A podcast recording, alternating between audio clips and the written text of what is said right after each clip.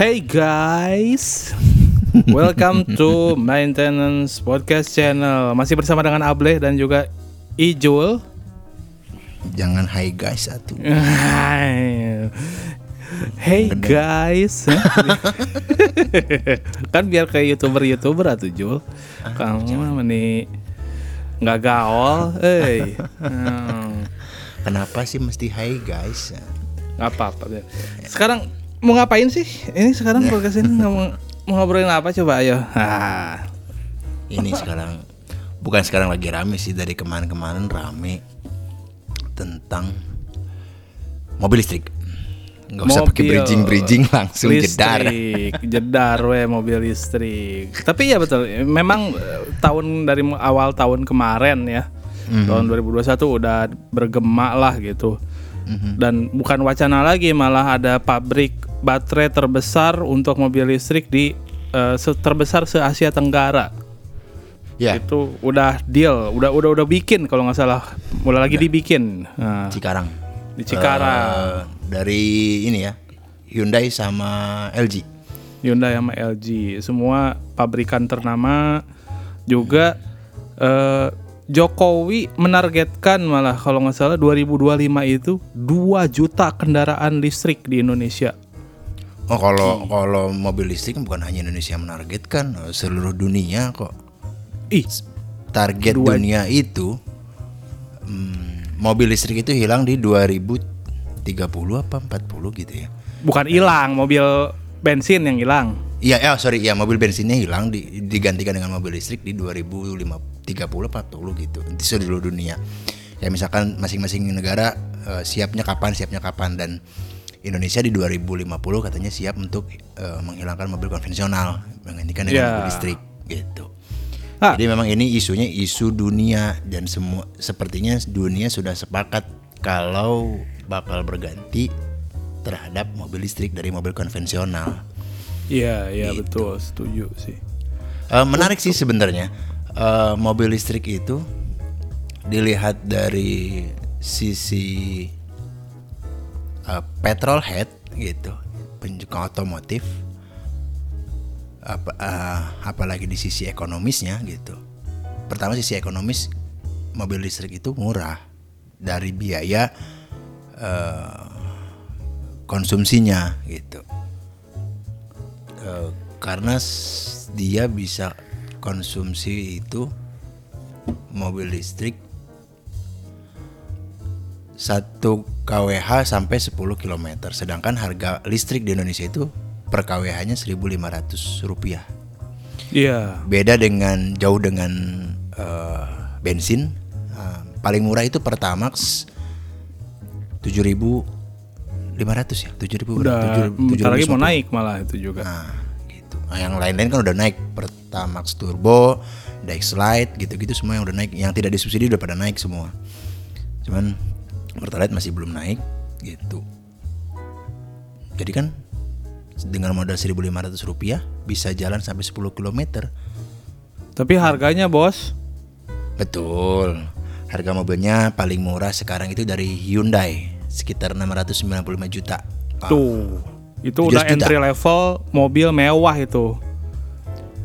Eh, kalau dibandingkan dengan mobil konvensional ya masuk mobil mewah sih kelasnya SUV gitu dengan harga segitu ya. Mungkin Pajero Sport Fortuner eh, Lexus apa ya berarti yang setara itu gitu. Udah mobil mewah gitu. Dengan harga segitu ya pak entry levelnya 695 juta. Tapi dibandingkan dengan Tesla atau Prius Hmm. Prius ya Ah. itu kan lebih murah Hyundai 700 juta aja Setuju sih. Ya Tesla kan mahal karena PPNBM dan segala macam kan. Itu hampir 100% dari harganya. Jadi di Amerikanya Tesla 700, kalau di Indonesia udah 1,4 M. Nah, ya sisanya 700 tuh kan ya bla bla bla lah gitu kan. Hah? Ya yang beli Sultan memang kalau Tesla sih. Heeh. yang tapi juga kan eh, mobil listrik ini kan eh, digadang-gadangkan lebih ramah lingkungan dibandingkan mobil konvensional. Setuju. dari Karena mobil listrik tidak ada tidak ada gas buang gitu, tidak perlu EC emisi. Oh, ini udah free emisi. Iya iya setuju. Jadi dari rekomendasi nomor satu dari ESDM untuk pengurangan emisi karbon itu adalah konversi mobil BBM ke mobil listrik gitu. Ya, ini nih yang menarik ini. Klaim bahwa mobil listrik itu bakal mengurangi emisi karbon gitu. Iya. Yang memang masuk akal ya. Wong pakai listrik kagak ada asap knalpot. Iya nggak ada. Ah, Berarti kan bi- eh, di jalanan itu bisa lebih hijau. Di jalanan itu iya. Iya dong. Hijau partai apa tuh gitu. Jadi di jalan pada partai eh, apa ah. Kenapa jadi ke partai sih? Eh, ya habis hijau sih gitu. Tapi apa apalagi yang menariknya dari mobil listrik menurut Jol? Jadi satu tadi kan eh, harganya eh bukan harganya eh, biaya untuk eh, bensin eh apa bahan bakarnya Bahan murah bakar lebih murah. gitu Satu ya. bahan bakar lebih murah. Terus eh lebih hijau di jalan Lebih hijau, tidak ada emisi. oke. Eh, kalau untuk warga di Jakarta itu sangat diuntungkan karena mobil listrik itu bebas dari ganjil genap. what the hell mantep dong. Iya, jadi sekarang warga Jakarta kan kemarin gara-gara ada ganjil genap beberapa yang mungkin mampu ya Beli bekas ya. atas, ya udah dia punya mobil ganjil dan mobil genap. Iya. Yang penting ada mobil dua-duanya bisa jalan keluar dua-duanya. Kan gitu. Iya, iya, Tiap hari iya. bisa jalan gitu. Nah, nambah sedikit lah dari dia punya mobil dua dibeliin mobil listrik, satu mobil cukup jadinya kan bebas ganjil genap dan bisa tiap hari keluar. Ya tapi orang kaya malah mau ada mau enggak mobil listrik dia mah pakai banyak mobil lah. Ini ini kita kita ini rakyat jelata ini. Aduh, harganya masih mahal. Apalagi sok biar biar ableh belilah, ayo. Apalagi Pajaknya murah mobil pajak murah. Eh, Hyundai Disubsidi Kona ya? itu kemarin masuk pertama kena pajak itu sekitar 2 juta sekian. Jauh dong kalau 2 juta itu berarti sekitar mobil angka eh, apa harga kisaran mobil sekitar eh, du- nggak sampai 200 juta malahan. Hmm. Harga mobil di atas 200 juta itu 3, 3 jutaan gitu. Di bawah 200 juta itu mobil baru ya angkanya 2 jutaan. Sedangkan mobil listrik dari eh, Hyundai 700 juta bunga eh bunga jadinya. Eh, pajaknya tahun pertama 2 jutaan. Di tahun kedua setelah berumur satu tahun mobilnya 900 ribu PKB-nya. Luar biasa. Mantap. Tapi ya, ngurus- pajak motor 500 ribu aja telat 2 tahun. Nah, motor sama mobil ini pajaknya tipis-tipis yang mending pakai mobil lah. Ais, Ya. ini nih rayuan sales kampret nih. Nah. Jadi eh, mo- kalau motor berarti malah motor listrik berarti pajaknya bisa lebih murah lagi puluhan ribu kayaknya ya. kalau puluhan ribu sih nggak tahu. Nah itu belum belum sampai ke sana kalau motor. Pastinya lah, secara logika bisa lebih murah lah ya gitu kan. Iya, iya, iya. Terus lagi em, setelah PKB-nya turun, itunya eh, di tahun kedua mobil listrik ini kelebihannya mm, tenaganya eh, instan karena dia meka- eh, listrik Oh gitu. Oke. dibandingkan oke. dengan mobil konvensional gitu kan. tenaganya langsung disalurkan ke ban gitu ya. Langsung mot ke motor dari motor ke ban gitu ya. Gak ada gardan-gardanan gitu ya. Jadi lebih efisien. Gitu kan. Di secara teknisnya mungkin begitu, cuman kurang hafal yang di yang di review-review dari eh, reviewer mobil eh, otomotif eh, listrik itu lebih ya lebih konstan, eh lebih instan tenaganya, semuran tenaganya gitu. Mantap, mantap. Beberapa review mobil juga udah banyak kok di YouTube YouTube gitu. Kalau mobil listrik itu kan takutnya mobil listrik kena banjir, kena genangan, konslet enggak kok gitu kan. Bagus, nggak akan kenapa-kenapa gitu. Banyak lah teman-teman bisa lebih Masa sih kalau banjir nggak akan konslet? Enggak, enggak. Kemarin pernah ada beberapa review mobil ngetes gitu mobilnya di genangan air. Enggak apa-apa, enggak masalah. Oh, nggak mau genangan air, banjir. Yang banjir semana dulu.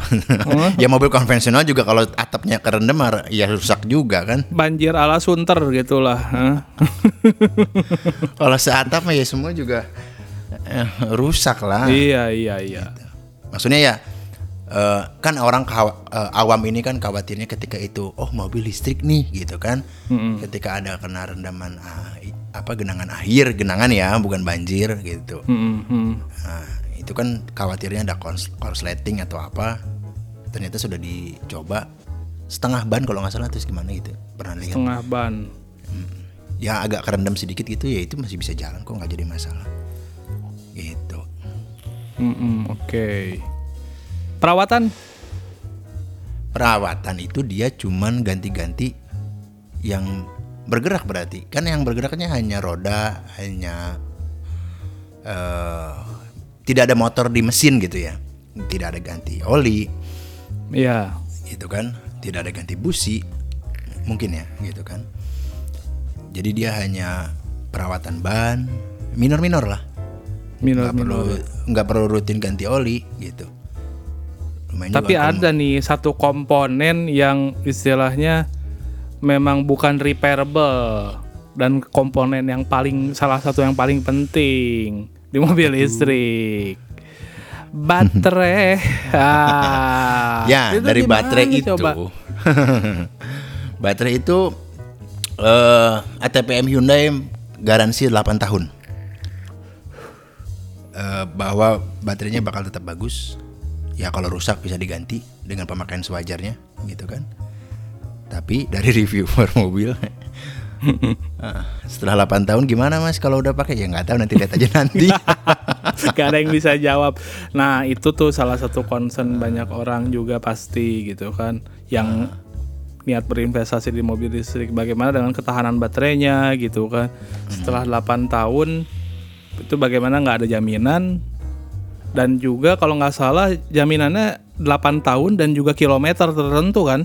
Yang mana yang mendahului kan? Kalau nggak salah. biasanya kalau di mobil biasanya bisa begitu Kalau di Jadi, wak- Amerika tuh sekitar ya 8 tahun terus 1000 eh 150 ribu kilometer atau sekitar 80 ribu miles lah gitu. Hmm, hmm, Garansi dari si baterainya gitu.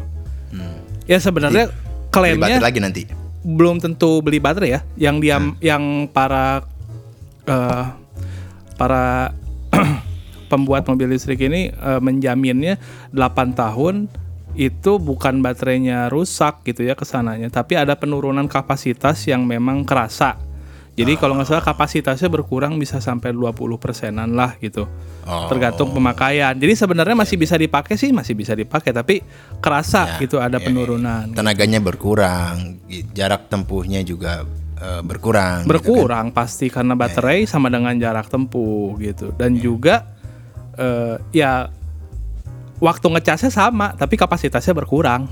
Iya, kan gitu. Jarak tempuh eh, baterai dari Hyundai Kona itu kalau nggak salah 300-an kilometer. Ya saya rasa kalau 300 kilometer dipakai mobil untuk harian di Jakarta udah cukup lah. Iya. Memang segitu yang inilah berarti kan pasarnya ada untuk warga-warga yang kom- eh, dari rumah ke kantor rumah ke kantor gitu. Eh konate berapa tadi? Apanya? Konate harganya? Sekitar berapa? 695 695 oh, iya. Ya masih mini mini sultan sih yang bisa beli kayaknya itu. Kalau 695 mah 7 tapi nanti ada bakal ada wuling kan? Enggak kan katanya. tadi kan dibilangin kan daripada punya dua mobil, misalkan dua punya dua mobil nih, harganya 200 juta dua-duanya 400 ya tambah lagi lah, kan gitu bisa lah Iya. gitu. demi demi menghijaukan eh, lingkungan, menghijaukan tai kampret demi, Nah, itu demi lebih murah gitu kan, biaya bulanannya kan gitu. Sekarang pakai mobil satu tu lima eh satu tujuh satu sepuluh gitu kan. Tiap hari jalan oh, udah berapa? Iya per iya. bulan gitu. Tapi dengan dengan listrik yang 1500 bahkan lebih murah dong. Secara kasar aja kan dari 7000 ke 1500 kan eh, berapa kali lipat gitu. Eh, setuju sih. Cuman kalau memang untuk dipakai secara intens memang ada eh, concern masalah charging station juga Jul. Ya nggak? Karena investasi charging station itu lumayan besar gitu dan itu harus eh, benar-benar masif supaya kalau misalnya yang bisa beli itu yang pendapatannya memang menengah ke atas eh, it's okay lah gitu kan. Mereka kan pasti punya spare mobil. Kalau misalnya ini mobil nggak dicas malamnya gitu kan atau misalnya lupa gitu kan. Tapi kan untuk kita kita gitu yang ya masih merintis begini gitu ya. Semoga lah kebeli aja nanti 690 juta mah. Kapan-kapan Sebenarnya charging station itu Pertamina sudah ikut bantu ya beberapa SPBU dia eh, bekerja sama dengan PLN buat SPKLU. Ada yang SPKLU, nebeng, eh, iya. ada yang berdiri sendiri SPKLU-nya, ada yang nebeng sama SPBU gitu. Hmm, hmm. Itu bisa di kota sudah sudah ada gitu beberapa titik. Memang tidak sebanyak SPBU, cuman ada sudah ada beberapa titik yang rasa-rasanya dengan 300 km cukup lah gitu kan. Jarak tempuh 300 km mau ke mana sih di Jakarta kan gitu. Iya, iya. Ah, itu pertama. Yang kedua sebenarnya eh, kalau kayak jadi sales Hyundai ya. Kalau dari Hyundai sendiri sudah bekerja sama dengan beberapa hotel atau gedung-gedung yang mungkin punya kapasitas listrik besar. Seperti di eh, saya pernah tahu di Cirebon itu ada hotel satu-satu hotel yang punya kasih charging station untuk mobil listrik. Jadi kita ke Cirebon nih 200 kilo lebih makan 250-an. Nyampe sana bisa dicasin. Iya, iya. Ataupun buat teman-teman yang mau pasang lagi tambah daya di rumah untuk lebih besar biar bisa nyas mobil bisa. Ada program khusus dari PLN. Iya, ya. Itu kalau nggak salah ada di aplikasinya PLN itu. Tinggal mengajukan di apa? Betul, listrikku apa tuh? Nggak tahu. Iya, biar biar nggak jeglek dengan biar jeglek dengan konsumsi di, di rumah gitu misalkan takutnya lagi masak nasi gitu kan. Iya. Eh, mobil deh wae cenah. Mobil ngecas dulu kan. Mah, udah dimatiin belum mixernya? ah, gitu. gitu. Iya, iya, iya. Charging dari 0 sampai 100% itu sekitar kalau di rumah ya dengan AC itu hmm, eh, maksudnya sambungan daya AC itu sekitar 5-6 jam katanya Iya, iya. sampai full. Nah, kalau sambungan DC kan kayak SPKLU atau atau gedung-gedung yang punya listrik besar itu kan DC, mungkin itu lebih cepat. Iya. Tuh, fast charging misalkan setengah Fast jam charging. atau satu jam gitu kan? Ya itu juga sih salah satu eh, habits yang nanti harus dilatih gitu ketika punya mobil listrik. Berarti kan mobil harus kita treat selayaknya HP gitu, jangan terlalu di charging overnight. Walaupun katanya ngomong ada automatic discharge, automatic mati itu tetap Iya. Baterai- Katanya bisa begitu sih Hyundai itu. Jadi otomatis mati dia. Mm, kalau misalnya fast charging itu kan tetap eh, karena aliran listriknya banyak gitu ya istilahnya. Hmm. Jadi baterai itu panas temperaturnya Hmm. Gitu. Kalau misalnya sama kayak handphone, kalau misalnya kita pakai fast charging yang memang dimaksimumin gitu ya. Kalau misalnya kita sering ngecas terus eh, dengan fast charging itu pasti lebih cepat penurunan kapasitasnya gitu.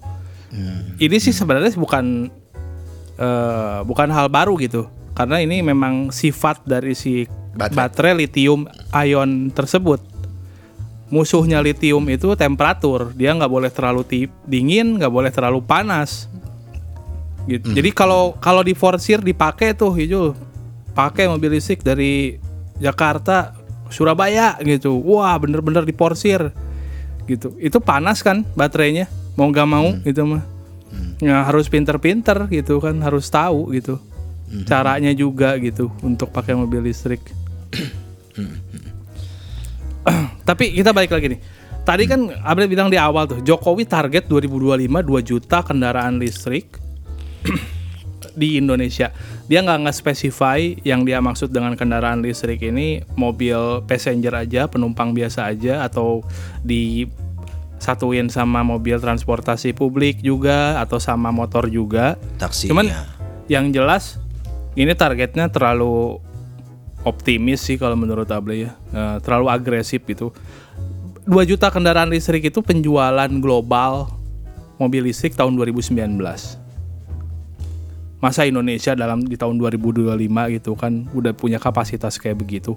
Perasaan malah beberapa bulan ke sebelakang targetnya baru 1000 mobil per tahun deh. Sekarang dia ngomong di berita ada tuh ya, target 2 juta kendaraan listrik untuk eh, mencapai penurunan emisi.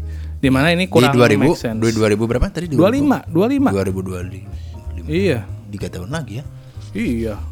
Atau mungkin ya, mobil konvensional nggak bisa dikeluarin, jadi keluarnya mobil listrik aja. Nah ini Bisa yang mungkin kalau bahaya. begitu. Bahaya sih kalau kayak gitu. Kan mobil konvensional itu kan ada ekosistem. Jadi kalau misalnya transisinya terlalu cepat antara mob- ke, dari mobil listrik ke mobil konvensional, Hmm. ekosistem yang existing itu kayak gimana nasibnya?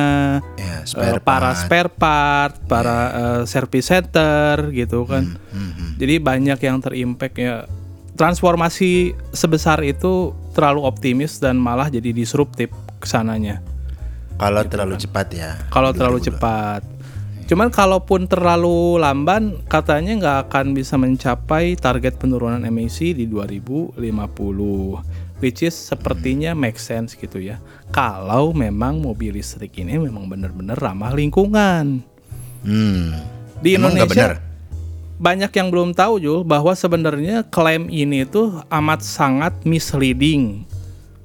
Mhm. Para ahli itu justru sebenarnya masih memperdebatkan dan malah beberapa ahli yang memang benar-benar di bidangnya ahli baterai gitu kan eh, dia meragukan gitu transisi ke mobil listrik ini karena material-material dari mobil listrik ini gitu. Jadi klaim bahwa sebenarnya mobil listrik ini lebih ramah lingkungan daripada mobil konvensional itu se- untuk sekarang posisi sekarang salah besar. Mhm. posisi sekarang dengan keadaan sekarang salah besar gitu karena ternyata mobil listrik juga menghasilkan emisi walaupun bukan di knalpot Tapi di yang pertama di mining untuk mendapatkan material-material mentah mobil listrik itu sendiri. Yang kedua pada saat manufaktur. Yang ketiganya ketika delivery atau transportnya, ya kalau misalnya on-site di Indonesia sih nggak begitu besar ya. Cuman kalau ada material yang ditransport atau memang kita impor gitu kan atau kita ngekspor gitu, itu kan ada emisi di situ. Karena emisi dari transportasi, emisi karbon dari transportasi shipping, dari shipping itu 20% eh, dari ininya emisi kan, global. kan Persentase kap- dari global gitu ya. iya. Gitu. Kan Kapal. maksudnya itu dari kapalnya kan gitu. Iya, iya. Eh, sebenarnya ya itu kan- kan dihitung di life cycle. Kalau kita mau ngitung mau tahu berapa besar sih yang dihasilkan oleh emisi eh, emisi yang dihasilkan oleh suatu barang, kita nggak bisa ngelihat ketika dalam fase pemakaian aja, harus end to end, harus life cycle dari hulu ke hilir. Nah, ini yang sering di di diplesetkan atau kadang-kadang di berita di- disembunyikan gitu aja. Karena fase mobil listrik ini yang paling banyak mengeluarkan emisi ya pastinya di fa- fase mining, fase manufaktur dan bisa jadi yang terakhir di fase disposal atau di fase eh, sesudah umur pemakaiannya habis gitu. Setelah 20 atau 25 tahun setelah jadi bangkainya gitu. Nah, itu kan emisi juga gitu. Enggak, sekarang emisi yang dihasilkan ketika mining itu bisa dikatakan lebih besar daripada Mobil konvensional. konvensional. sangat bisa. Emisi yang paling besar itu dari baterai. Itu bisa terhitung 30 sampai 40% emisi karbon dari mobil listrik itu di pem- di pembuatan baterainya. Baterai-baterai mobil listrik itu rata-rata kan menggunakan nikel, eh, tembaga, ada kobalt, ada litium pastinya juga Iya. dan juga ada berbagai macam uh, rare earth material. Ini uh, material-material mineral yang langka karena memang persentasenya di bumi itu nggak begitu banyak, tapi dia krusial Ah, untuk berarti mobil listrik. mineral ini sebelumnya belum pernah di mining. Di mining sebelumnya, cuman dengan adanya uh, transisi ke mobil listrik, peningkatan produksi dari mining-mining ini bakal bener-bener sangat besar sekali, amat sangat besar sekali gitu. Kalau misalnya demand dari mobil listrik ini terus-terusan eh, eh, ya terus-terusan ada gitu. contoh ada dari seorang profesor eh, di UK gitu ya, Michael Kelly kalau nggak salah namanya. Jadi dia nyebut kalau misalnya Inggris aja, UK, Inggris ya, Inggris ya dibilang. Ing- Aha. Itu transisi mobilnya ke mobil listrik, Aha. dia itu bakal membutuhkan produksi eh, tembaga sedunia. Berarti negara lain nggak kebagian dong. Nah, kan pertanyaannya itu gitu kan. Berarti tidak, tidak akan tercapai Visible 2050. tidak sih gitu kan. Eh, viable tidak gitu kan kesannya.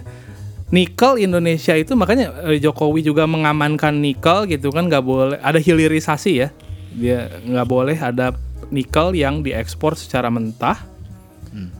Karena memang Indonesia 40% produksi ah, hampir 40% ya 38 sampai 40% memproduksi nikel dunia.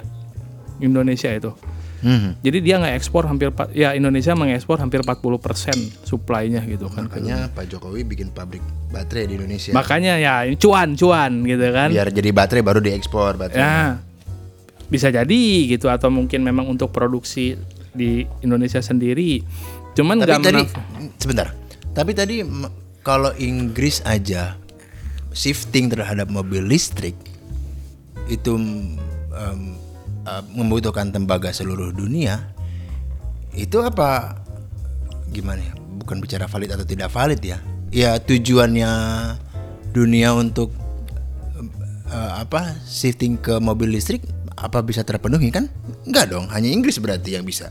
mem ya niat dia ngasih analogi aja gitu. Secara secara hitungan matematisnya energi transisi ini dengan planning sekarang nggak make sense. Ini udah banyak ahli-ahli di dunia gitu yang yang ngomong gitu, yang recok gitu kan bahwa nggak make sense Bray gitu. Kalau misalnya eh, caranya seperti ini bahan materialnya masih seperti ini karena eh, nikel tembaga gitu kan itu kan dibutuhkan di device-device atau equipment-equipment yang lain gitu. Dan lithium ion lithium sendiri eh, itu juga dibutuhkan di ya pastinya device gadget-gadget kayak kita juga butuh kan harus berbagi dong gitu. Ada baterai, pokoknya yang ada hubungan dengan baterai gitu loh ya. Iya. Dan ya tembaga itu untuk mobil listrik butuh tiga kali lipat dari mobil konvensional. Bayangin, butuh tiga kali lipat tembaga. Nikel itu bisa dua sampai dua setengah kali lipat gitu. Dan juga ada material untuk bodi mobil listrik ya. Itu rata-rata menggunakannya aluminium sama carbon fiber. Oh ya, supaya lebih enteng. Supaya lebih enteng karena baterai itu berat, Bray. Hmm. Untuk buat mobil dengan kapasitas driving range dengan jarak tempuh kayak Avanza itu berat baterainya 500 kilo. Avanza 1,1 ton.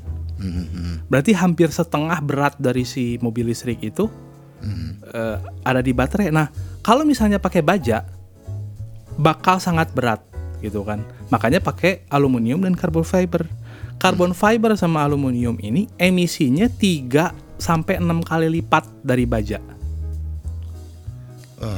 Gitu kan. Mulai kan terbuka Baru di sisi mining aja udah mind blowing. parah sebenarnya kondisinya gitu. Jadi dan ya kan main logikanya gini, kalau misalnya main eh, mobil listrik demandnya mau ditingkatkan, berarti sumpa supply-nya pun harus meningkat. Berarti Ya. mining dari material material ini pun harus meningkat gitu kan. Iya, betul. Dan ke- kenapa mining meningkatkan emi- emisi? Ya jelas lah gitu. Kita kan butuh alat berat untuk mining. Betul. Alat berat itu hampir nggak ada yang menggunakan listrik. Rata-rata fosil fuel semua. Iya, iya.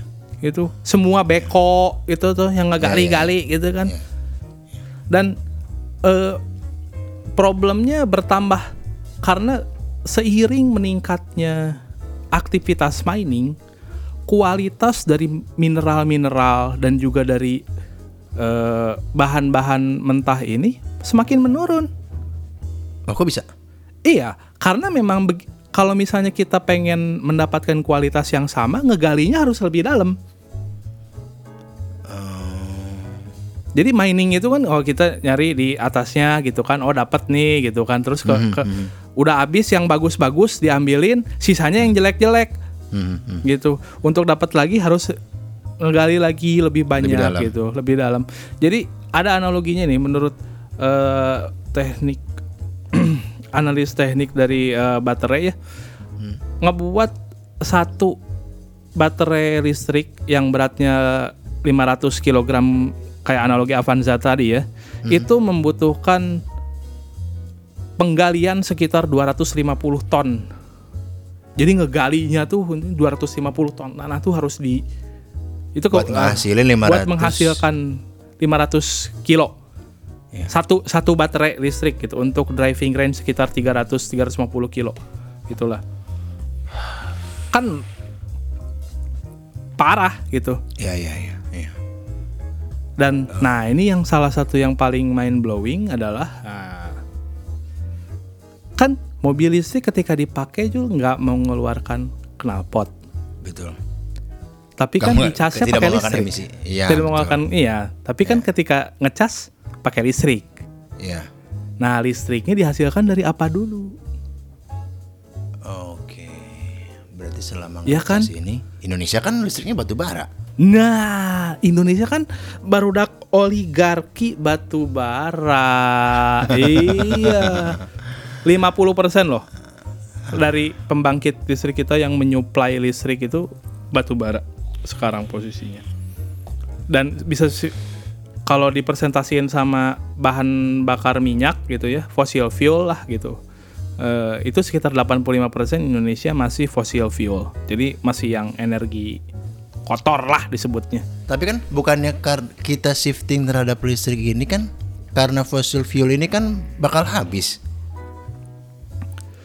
Jadi mah aduh nggak tahu lah masih bener semua juga bakal habis Jul nikel juga bakal habis dong kop nah, tembaga juga nanti juga habis Iya. kalau mau iya. ngomong semua habis ya semua juga ada batasnya gitu Betul, maksudnya ini tuh kita ya, banyak bacanya tuh karena ki- kita ini udah la- terlalu lama menggunakan fossil fuel gitu kan. Eh, sedangkan untuk eh, mendapatkan fossil fuel lagi itu kan butuh waktu yang lama ya gitu kan. Hmm.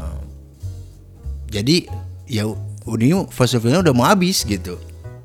Ya, prediksi-prediksi ini sebenarnya udah dari tahun 50 gitu. Bahwa nanti bakal ada puncak produksi minyak di tahun 70. Nanti tahun 80 akan ada eh panik karena habis, gitu. Diprediksi ternyata salah, diprediksi lagi tahun 99. Katanya nanti batasnya tahun 2030 atau 2050 ternyata salah lagi. Terus di 2006 diprediksi ternyata cadangan kita itu tiga kali lipat dari yang tahun 1999 yang asalnya Malah dari nambah. 2005 malah nambah gitu kan gitu. eh, tapi ya memang poin yang bagus eh, harus diakui fosil fuel itu ya kotor mengeluarkan polusi bakal habis yes cuman transisinya bukan ke mobil listrik gitu eh, dengan dengan dengan material yang sekarang proses mining yang sekarang nggak membantu gitu nggak nggak jadi lebih baik juga gitu intinya. Kotor iya bensin sama batu bara iya kotor gitu mau gimana gimana juga gitu. Cuman kalau digantinya modelnya seperti ini ini malah menimbulkan masalah baru. Dan ini ternyata dan ini ternyata sudah te- terjadi gitu ya. Para ahli para optimistis gitu ya para ahli yang optimistis dan juga para corporate yang berusaha mencari model bisnis baru ke model ke mobil listrik Hmm. itu memprediksi semuanya oh pasti mobil listrik nanti bakal murah ya kan ya Oh iya, supply and demand lah ya Iya ya. bener nggak ekonomi sederhana lah itu. Iya, kalau misalnya nanti skalanya makin banyak pasti bisa lebih eh, ya kalau skala produksinya banyak pasti bisa lebih murah gitu kan. Iya iya. Dan bat harga baterai karena melihat tren itu kan memang harga baterai lithium itu dari tahun 2000 sampai ke tahun sekarang itu turunnya itu bisa puluhan kali lipat Hmm, hmm. memang gitu. Nah, mereka ternyata nggak menghitung gitu kan. Itu dengan asumsi nanti demand ke depan mobil listrik berapa. Hmm. Karena sekarang udah terjadi tahun bener pas di tahun ini du- 2022 ini. Harga lithium ion itu justru naik sekarang. Dan beberapa mobil listrik di Cina pabrikannya mereka udah naikin harga mobil listrik. Kenapa? Karena ternyata supply dari material-material Hmm. ini jadi langka karena demandnya terlalu banyak. Karena perjanjian dari Paris untuk eh, mengurangi emisi karbon, karena semua komitmen untuk mengurangi emisi karbon dan salah satu solusinya adalah mobil listrik. Jadi semuanya kan rame-rame bikin. Nah, Iya. ketika dibikin, nah materialnya mana barai? Lah, kurang, geus dicokot ku si ieu ku si ieu. Jadinya harganya naik loh. Lithium ion naik. Hmm. Sekarang naik gitu. Oke. Eh, tadi kan dari sisi mining udah jelas berarti kan ini eh, memperbesar eh, jumlah polusi daripada tidak apa sebelumnya ya dengan mobil Iya. konvensional gitu kan. Terus tadi kan mari mining dari sisi produksi. Dari sisi produksi yang mening yang meningkat apa berarti? Dari sisi produksi itu body tadi. Oh gitu ya. Kan ngeproses untuk ngeproses aluminium dan juga carbon fiber end to endnya itu ke eh, rangka si mobil itu dia 3 sampai 6 kali lipat dari mobil konvensional. Hmm, Tapi sampai sekarang mobil listrik belum sampai ke sana sih, sebelum belum pakai aluminium dan eh, carbon fiber. Kecuali Ya, mungkin, mungkin- harga di atas satu miliar ya mobilnya ya. Enggak, enggak itu udah pada pakai kok. Tapi mobil konvensional pun pakai kok karbon carbon, carbon fiber. Pakai, cuman proporsinya nggak sejauh mobil listrik. Dan tadi Kemarin kan padahal si mobil yang yang gini yang sudah beredar gitu kan Tesla dan eh, Hyundai ataupun Prius, Prius ya Toyota kan.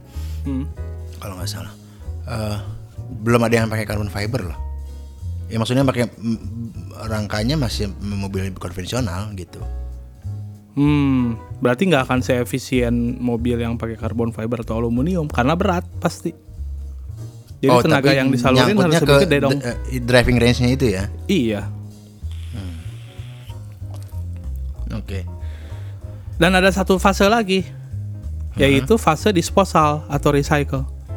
yang tadi kita Limbahnya mau digimanain? baterainya 8 tahun mau gimana Nah, salah satunya itu kan. jangan da- 8 tahun setelah rusak lah gitu Jadi ya kan? ngakunya para para ahli environmentalist ahli lingkungan.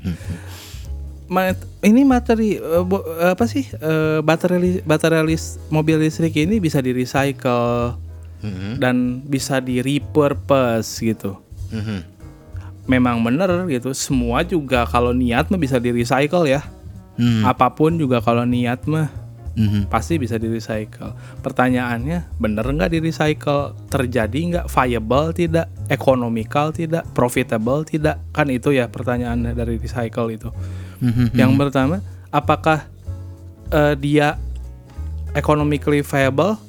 Belum tentu jawabannya. Buk dan juga apakah benar di recycle? Kenyataannya sampai detik ini dari semua limbah eh, baterai mobil listrik cuma 5% yang di recycle. Hmm. berarti PR juga ya untuk Oh iya untuk industri recycle. limbah. Berarti kalau di Indonesia ini masuknya limbah B3 gitu kan. Kan udah banyak orang yang ya, perusahaan-perusahaan yang mengelola itu limbah B3 gitu-gitu. Oh bahaya nggak nggak segampang itu Jul. Jadi si baterai mobil listrik itu itu tuh bukan kayak hard disk solid state gitu yang memang dia komponen di dalamnya tuh oh satu blok gitu baterai. Enggak. Tapi itu memang ada misalnya ya di mobil yang segede Avanza gitulah. eh, baterainya itu ada 8 blok gitu ya. Nah, di dalamnya itu itu single single cell. Single itu ada ratusan satu blok tuh bisa segitu. Kenapa? Untuk menghindari kalau misalnya ada percikan gitu katanya, eh, dia lebih terisolasi gitu. kerusakannya gitu kan. Salah satunya. Nah karena kompleksitas itu butuh mesin yang memang high tech untuk nge-recycle itu. Nggak gampang gitu. Untuk nge-recycle-nya. Jadi ketika udah jadi limbah masih untung lah kalau misalnya memang bener sampai ke recycle center. Di recycle center pun ketika di Dibikin apa? di nah beda-beda nih ada recycle eh nah ini salah satu kompleksitas para manufacturer si mobil listrik kan ngebuat spesifikasi baterai itu beda-beda ya Hmm. bentuknya gitu nah Iya, ini iya. memperkompleks gitu eh, se- unifikasi dari recycling center Hmm, hmm. gitu jadi mem- mem- nyem- ngebikin lama lah gitu kan Iya, iya. Heeh. Makin banyak model baterainya Modelnya. dia makin makin pusing buat di- makin pusing buat dikerjainnya itu di recycle-nya seperti apa kan gitu ya. Betul, Karena kar- tidak universal baterainya kan gitu ya. Iya, karena baterai itu kan campuran misalnya dari nikel, eh, kobalt, dan juga misalnya ada tembaganya gitu. Itu ada rasio-rasionya itu. Ada tiga tiga banding satu banding 8 Yang mana yang banyaknya gitu materialnya gitu. Ah, ah, ah. Yang paling bagus secara eh, baterai gitu ya, ya secara kapasitas itu sebenarnya yang pakai kobalt. Hmm. Nah, kobalt ini kontroversial lah mineral yang sangat kontroversial karena Miningnya kobalt ya. ini miningnya itu di Kongo 50% produksi kobalt itu dari Kongo dan Kongo ini syarat akan buruh anak-anak gitu. Ya masih manual gitu ya. Masih manual, artisan Iya, mining gitu. Kalau nggak salah dari UNICEF katanya ada 40 ribu anak di bawah 18 tahun yang mining dan ini termasuk anak-anak yang 7 tahun, 8 tahun gitu. Ini juga kan yang pernah di lah. diinikan terhadap eh, Elon Musk kan? Ya, dit- dituduhkan. Iya, Betul, dituduhkan. Hmm. dituduhkan gitu. Karena waktu itu dia pakai kobalt dari perusahaan yang dari Swedia gitu ya. Dia Hmm. ngomongnya sih kontraknya gua sama perusahaan di Swedia, tapi ternyata miningnya dari Kongo gitu. Kena deh doi gitu. Hmm, hmm. Tapi ya bagusnya triggernya dia menciptakan bukan menciptakan ya dia research dia bikin komposisi komposisi material eh, yang baru lah gitu tanpa menggunakan kobalt. Hmm. Nah kontroversinya adalah salah satunya ke recycle kobalt itu justru mineral yang paling berharga untuk di recycle. Jadi para in, eh, apa pengusaha limbah ini malah nyari kobaltnya. Justru yang paling berharga itu kobalt gitu. Jadi ketika misalnya dia nggak ada kobalt, ya memang nikelnya berharga gitu, kopernya ya memang berharga. Tapi untuk membuat recycle ini supaya economically viable gitu kan, supaya secara ekonomis dan juga profitable, Hmm. jadi dia bergantung sama subsidi pemerintah juga.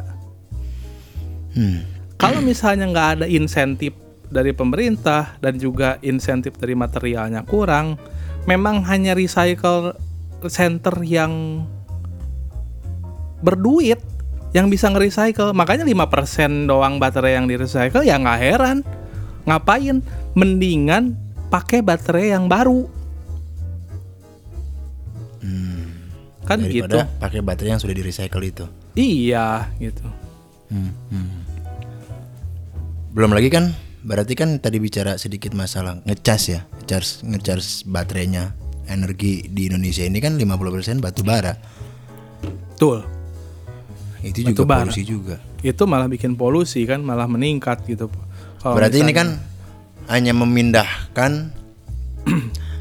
polusi yang ada di jalan, yang ada di kota terhadap ke pembangkit, iya ke pembangkit, ke daerah yang ke penambangan, ke penambangan. Iya. dan produksi material-material yang tadi gitu kan. Jadi banyak ya, makanya ahli yang ngomong nggak ini benar-benar mobil listrik itu bukan solusi yang hijau nggak layak disebut solusi hijau. Mining lithium itu ngerusak pasokan air terus dia bisa mencemari air dan ini udah terjadi di Tibet itu kalau nggak salah bahan kimia beracun di tambang lithium ini masuk ke sungai ngebunuh ikan, ngebunuh ternak dan pastinya ngeracunin tanah di sekitar gitu. Dan ini lithium gitu. Dan disrupsi dari lithium ion ini udah terjadi di mana-mana gitu. Karena di Serbia itu ada salah satu tambang yang mau dibikin dan ditolak sama warga-warganya. Karena tahu efeknya kayak gimana nanti gitu kan ke depannya. Oke. Dan ini bakal terusan berlanjut dilema ini. Harus Tapi ada mu- Tapi mungkin gini ya, kalau misalkan nggak secepat itu gitu ya, mungkin eh, dimatangin lagi teknologinya, dimatangkan lagi cara penambangannya gitu kan untuk mengurangi emisi eh, polusi yang ada gitu kan dari mobil listrik, mungkin bisa terwujud nggak nanti mobil listrik suatu saat nanti? sebenarnya harus harus mix sih kalau menurut Able ya. Dan ju- kebijakannya tuh harus mix kita kita nggak bisa eh, ngelihat mobil listrik ini sebagai juru selamat untuk pemanasan global untuk mengurangi emisi gitu. Jadi memang memang bukan cuman mobil listriknya, ya memang dari sumber pow- power dari eh, pembangkit itu juga harus hijau dulu gitu pastinya gitu kan. Di mana ini dipertanyakan juga gitu kan. Sebenarnya Ya, nah nanti mobil itu eh, di segmen lain ya kita bahas segmen energi. lain betul. Segmen yang lebih mind blowing lagi lah gitu. Hmm. tapi ya R&D sebenarnya. R&D untuk mencari material-material yang memang abundance gitu ya Mhm. Eh, berarti abundance eh, banyak gitu ya berlimpah berlimpah gitu. Dan juga viable untuk dibuat sebagai bat- pengganti baterai gitu. Betul. Eh, lebih efisien lagi gitu kan untuk eh, manufakturnya. Dan untuk penambangan juga ya harusnya ya memang kalau memang serius niatnya ke lingkungan mobil-mobil tambang dan semua kendaraan tambangnya listrikin dulu dong gitu. Hmm. ya nggak tanpa merusak lingkungan juga kalau bisa kalau bisa gitu. Dan Berarti kan ini memang kan uh, agenda yang terlalu cepat gitu ya. terlalu cepat sembrono eh, nggak make sense secara jangka panjang. Dan juga kesannya gini gini. Yang harus didorong itu kan untuk mengurangi emisi kalau misalnya dari tra- transportasi itu harusnya transportasi massal Betul. bukan membuat suatu segmen eh, mobil yang baru gitu kan supaya orang ya yang penting bisa ganti ke dari mobil konvensional ke mobil listrik lah ya, tetap bisa jalan-jalan gitu yang harusnya kan dikombinasiin gitu dengan urban planning gitu kan misalnya gitu kan jadi eh, tata kota itu diratakan supaya orang traveling nggak jauh-jauh gitu Hmm, hmm. Suka nih Jadi- sama kayak rencananya misalnya Pak Ridwan Kamil kayak jadi dia ngebuat semacam eh, apa tuh eh, pekerjaan-pekerjaan di desa tapi rezeki kota katanya. Nah, Tapi gitu. Pak Ridwan pakai mobil listrik juga. Iya, nah itu juga tuh sebelnya. Dia pakai mobil listrik gitu dan kayaknya nggak ngegali lebih jauh ya. Ya gimana ya? Ya yang didorongnya ini, ini kan sebenarnya karena memang tekanan dari para manufacturer juga ya gitu. Kalau menurut Able, karena Betul. ngelihatnya Atau para pengusaha energi. dari para pengusaha energi concernnya sebenarnya agak beda gitu. Enggak kan kalau misalkan mobil listrik naik jumlahnya berarti kan energi konsumsinya lebih banyak. Nah, pengusaha energi kan juga lebih banyak dong meraup untungnya. Setuju, tapi energinya pengusaha, pengusaha energi hijau.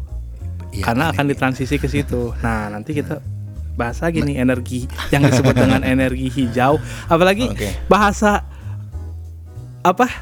Eh, energi baru terbarukan. Barukan. Itu paling eh, paling misleading ya. energi baru terbarukan. Aduh, nanti nanti itu lebih ramai lagi lah. Berarti kan buat saat ini ini terlalu cepat, terlalu sembrono gitu kan, terlalu terburu-buru gitu kan untuk, Terburu-buru.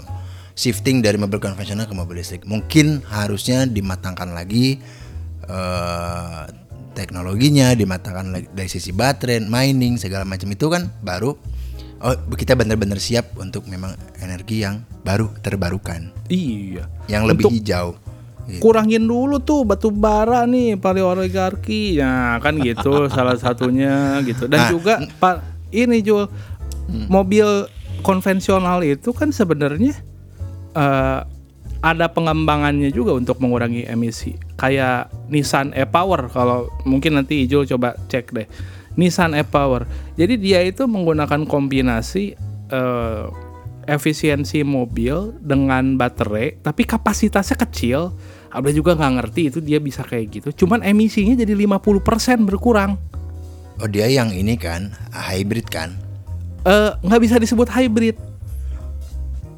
Bukannya dia Nggak, nggak bisa. eh, mesinnya itu hanya menggerakkan eh mau buat ngisi baterai jalan yang yang tahu dari Nissan itu ada Nissan Nissan apa ya Kicks atau apa gitu jadi dia Nissan eh, Kicks e-Power bukannya? kalau nggak salah Pokoknya harus ada e-powernya. Itu teknologinya Nissan, Nissan. juga keluarin Cuman mobil listrik cuman dia nggak full listrik kayak Tesla dan ya, Hyundai Ah, jadi listriknya mobil Nissan ini eh rodanya digerakkan oleh baterai nah mesinnya itu jadi gensetnya baterai Oh, gitu. gitu Biasa Dan- jadi itu sih ya yang dan jadi regeneratif itu. eh, regeneratif Braking. power ah, regeneratif braking dari dari ban itu ke gimana caranya ke, ke ke mesin tadi buat masukin pasokan baterai yang lebih banyak Oh, Gitu. iya. Nah, yang kayak gitu lebih viable kan? Harganya kan Iya. pasti lebih murah gitu. tapi hybrid itu di Indonesia eh anggaplah dikatakan hybrid eh, dua mesin ya mesin listrik dengan mesin konvensional kan begitu dikatakan hybrid di Indonesia dan hybrid itu malah lebih mahal Masalah karena double pajak Itu si Nissan e-Power itu di bawah 500 deh. Perasaan. Ah nggak tahu kalau yang kalau kalau bicara mobil hybrid, Izul belum tahu kalau masalah Nissan Power ya, ya apa Kicks tadi itu lebih murah atau berapa. Hmm. Cuman kalau bicaranya nanti kan regulasinya jadinya mobilnya hybrid dong. Ini hmm, hmm. penggeraknya eh, listrik atau mesin kan gitu kan? Iya. Iya kan? Nah setahu Izul itu kalau hybrid itu malah dua kali dua double pajak. Oh, gitu. Mobil penggerak listrik dengan mobil penggerak eh, mesin. Kok kampret ya? gitu. Ya makanya kan Aneh banget. kan harusnya gini ya. Ketika shifting itu kan mestinya dari mobil konvensional untuk ke mobil listrik harusnya kan ada tengah-tengahnya dulu nih. Hmm, Si hybrid ya. ini. Iya, si hybrid ini kita coba dulu hybrid ini bakal lebih baik atau tidak gitu kan dengan penambahan li- si listrik ini gitu kan bakal Hmm. Iya, lebih iya. apa gitu ke depannya gitu. Ketika oh ternyata bagus dan lebih dibanyakan listrik, majulah terhadap eh, teknologi mobil listrik kan gitu. Iya. Kalau dari konven ya secara R&D harusnya pola pikirnya begitu ya, supaya tidak sesat pikir. Karena kalau dari mobil lis, mobil konvensional langsung ke mobil listrik itu agaknya aneh gitu. Hmm, Ini hmm. tengah-tengahnya harusnya kan harusnya dijembatani dulu gitu. Iya, iya. Nanti ketika misalkan oh ternyata ternyata tidak tidak bagus listriknya em, em, yang tadi kita bicarakan bahwa mobil listrik itu eh, bahkan lebih parah emisinya gitu kan. Ya balik lagi berarti kan ke mobil konvensional, tapi ada dulu mobil hybridnya. Kan Iya. mestinya begitu ya. Iya, iya. Transisinya Bukan- terlalu cepat. Iya, transisinya nggak nggak langsung ke mobil listrik gitu. Harus ada di tengah-tengahnya ini jembatannya apa? Mobil listrik dengan mobil konvensional si hybrid ini. Iya. Tapi malahan yang Jul tahu kalau mobil hybrid itu ya pajaknya double. Ya itu harus berubah Gitu. sih berarti. Ya itu kan bisa dirubah ya harusnya aturan itu kan. Iya. Pajak mobil listrik aja bisa murah kan karena bi- aturannya dirubah kan gitu. Dan Ah. sebenarnya pajak pajak ya untuk mobil listrik itu kalau menurut aku emang nggak layak dah. Ngapain? Maksudnya nggak layak dipajakin gitu. Ya bukan nggak layak dijadiin murah gitu. Oh. Uang itu untuk untuk kelas menengah ke atas harusnya justru tetap aja biasa gitu. Kalau misalnya memang mau ya iyalah gitu. Dia kan udah dapat udah dapat murah Berarti kan gitu ini kan, insentifnya untuk kalangan menengah ke atas. Iya, Karena yang menikmati malah mobil adil. listrik ini hanya kalangan menengah ke atas. Iya, setuju. kan konyol. Ya. Ah, terakhir. Pertanyaan kenapa semua orang ini sekarang nih mengglorifikasi kalau mobil listrik itu ayo kita transisi ke mobil listrik gitu. Ya ketidaktahuan lah kalau menurut Abla. Kan banyak kalau menurut Ya tapi kok masa itu ini sampai level presiden sampai ke sana dari dari dari dari dari bawah sampai ke atas itu sama semua orang mendambakan mobil listrik itu ini sebuah ke- kemajuan gitu loh. ya karena make sense Jul. Kita kan ngelihatnya sesuatu ya mobil listrik tidak menghasilkan emisi itu visible. Hmm. ya kan dan mobil listrik itu ter- ternyata lebih efisien daripada mobil konvensional itu juga fakta. Memang benar bahwa konsumsi dari listrik itu lebih efisien daripada konsumsi BBM untuk menghasilkan tenaga yang sama. Itu fakta gitu. Cuman hal itu kan trade offnya dibayar dengan harga yang mahal kan untuk sekarang. Hmm, hmm, hmm. jadi ya sebenarnya kita nggak bisa langsung ngetes dan kalau misalnya mobil listrik udah masif banget misalnya nanti kapan-kapan pasti bakal kerasa eh, peningkatan dari emisinya seperti apa. Dan memang ini udah mulai diragukan ini di 2022 ini mulai digaungkan ini sama para ahli ini bahwa ternyata ini nggak visible terdapat supply chain disconnect disebutnya. Supply chain disconnect yang sangat besar sekarang itu prediksi para ahli yang ngomong bahwa nanti eh, ahli yang optimis ya, yang environmentalist gitu kan, yang para penggiat lingkungan hidup Lingkungan. Iya. ber, memprediksi lit- lithium akan terus turun turun turun turun turun turun turun turun turun terus sampai sekitar 100 eh, dolar per kWh lah katanya.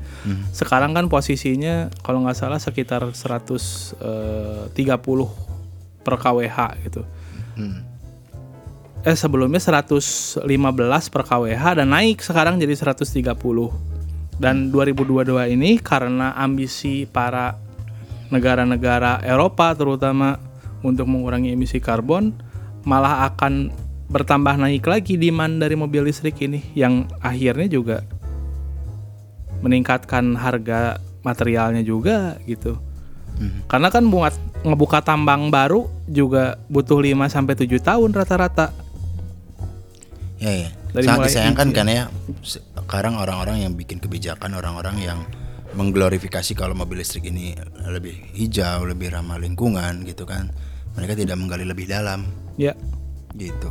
Harusnya kan ya di level mereka itu kan sudah banyak lah insight-insight dari orang lain kalau bawa oh mobil listrik itu seperti ini seperti ini. Ini seragam semua eh, eh, apa mengglorifikasi gitu bahwa mobil listrik ini sebuah eh, Solusi yang kemajuan. ini ya s- betul. Gitu Juru selamat sebuah- sih dianggapnya. Gila sebagai juru selamat. Mesayah. itu yang salah. Ya, Harusnya justru dilemparkan uang-uang ini untuk R&D. ya, ya. R&D untuk baterai yang lebih efisien, yang scalable dan juga efisien. Pasti ada, pasti bisa gitu. Dan nanti yang akan menang, negara yang menang adalah negara yang bisa nyediain ini. Karena akan jadi disrupsi gitu. Walah, nikelnya nggak ada. Ya udah ganti nikelnya gitu. Sama tembaga proporsinya lebih gede. Wah, tembaga dibanyakin. Tembaganya habis. Wah, ganti lagi apa? Bakal kayak gitu terus. Jadi nasibnya baterai yang sekarang nanti itu udah 10 15 tahun lagi versinya bisa jadi beda baterainya. Kompatibel nggak sama mobil kita nanti yang mau diganti? Nggak tahu kan? Ayo. Iya kan bakal gak bakal terus jalan Betul. ini. Iya. Gitu. harusnya matengin dulu Matengin ketok. dulu. nah sudah sudah mateng diketok universal semua sama begini gitu kan iya. aturannya ya ini terlalu terburu-buru ya mudah-mudahan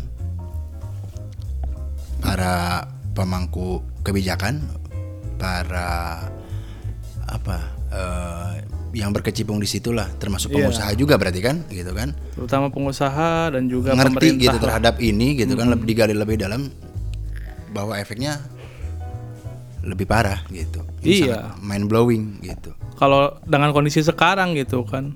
Hmm. Dan kan tadi Abel bilang kalau misalnya memang energi listrik eh, eh, mobil listrik ini lebih ramah, kenapa nggak ada elektrifikasi di bidang di di shipping? Shipping itu Hmm. 20% loh emisinya dan nggak ada pembicaraannya. Iya. Shipping. Shipping itu 20% emisi transportasi global. Itu Harusnya di situ lumayan dulu.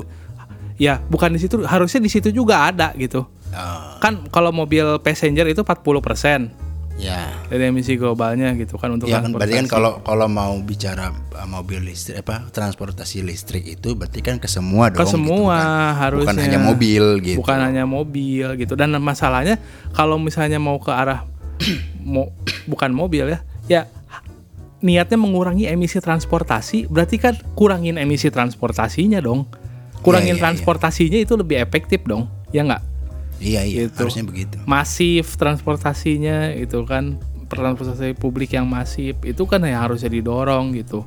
Bukan ya jalan segitu-gitu aja. Kan Lu macet horor ada- puncak nggak akan rubah kalau dengan mobil listrik sama aja. Kebayang tuh kayak gimana nanti? Nggak bisa ngecas macet di puncak ayo. Ah mampus itu macet 10 jam mah. Karena ada cuannya. Kalau dibikin transportasi massal, dibikin dikurangi trans, apa jumlah armadanya atau Iya. gimana, itu kan hilang cuannya. Iya. Ah para oligark ah, asik. paling enak nyalahin ini ya oligarki oligarki aja. Kita juga belum tahu kalau di sana bisa nggak seperti ini ngomong kan gitu. Iya bener juga. Siapa tahu kita jadi oligarki sebenarnya lebih parah deh. Wah. Mobil tenaga batu bara paling efisien nih. Ini sangat efisien. Nah, itu balik lagi zaman ih zaman kapan itu mah? Tapi Diuap. murah. Amit-amitnya. Ya udah mungkin Iya. sementara Iya.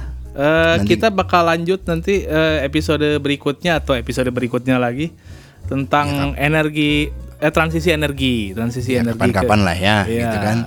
Nanti kita bakal bicara tentang energi yang lebih seksi sebenarnya untuk Lebih seksi, lebih seksi. Energi baru ter energi Barukan. baru terbaukan. Ah. Oke guys, asing para podcast lovers, para listeners, para audience, thank you telah mendengarkan sejauh ini. Eh, see you in the next episode. Bye bye. Bye bye.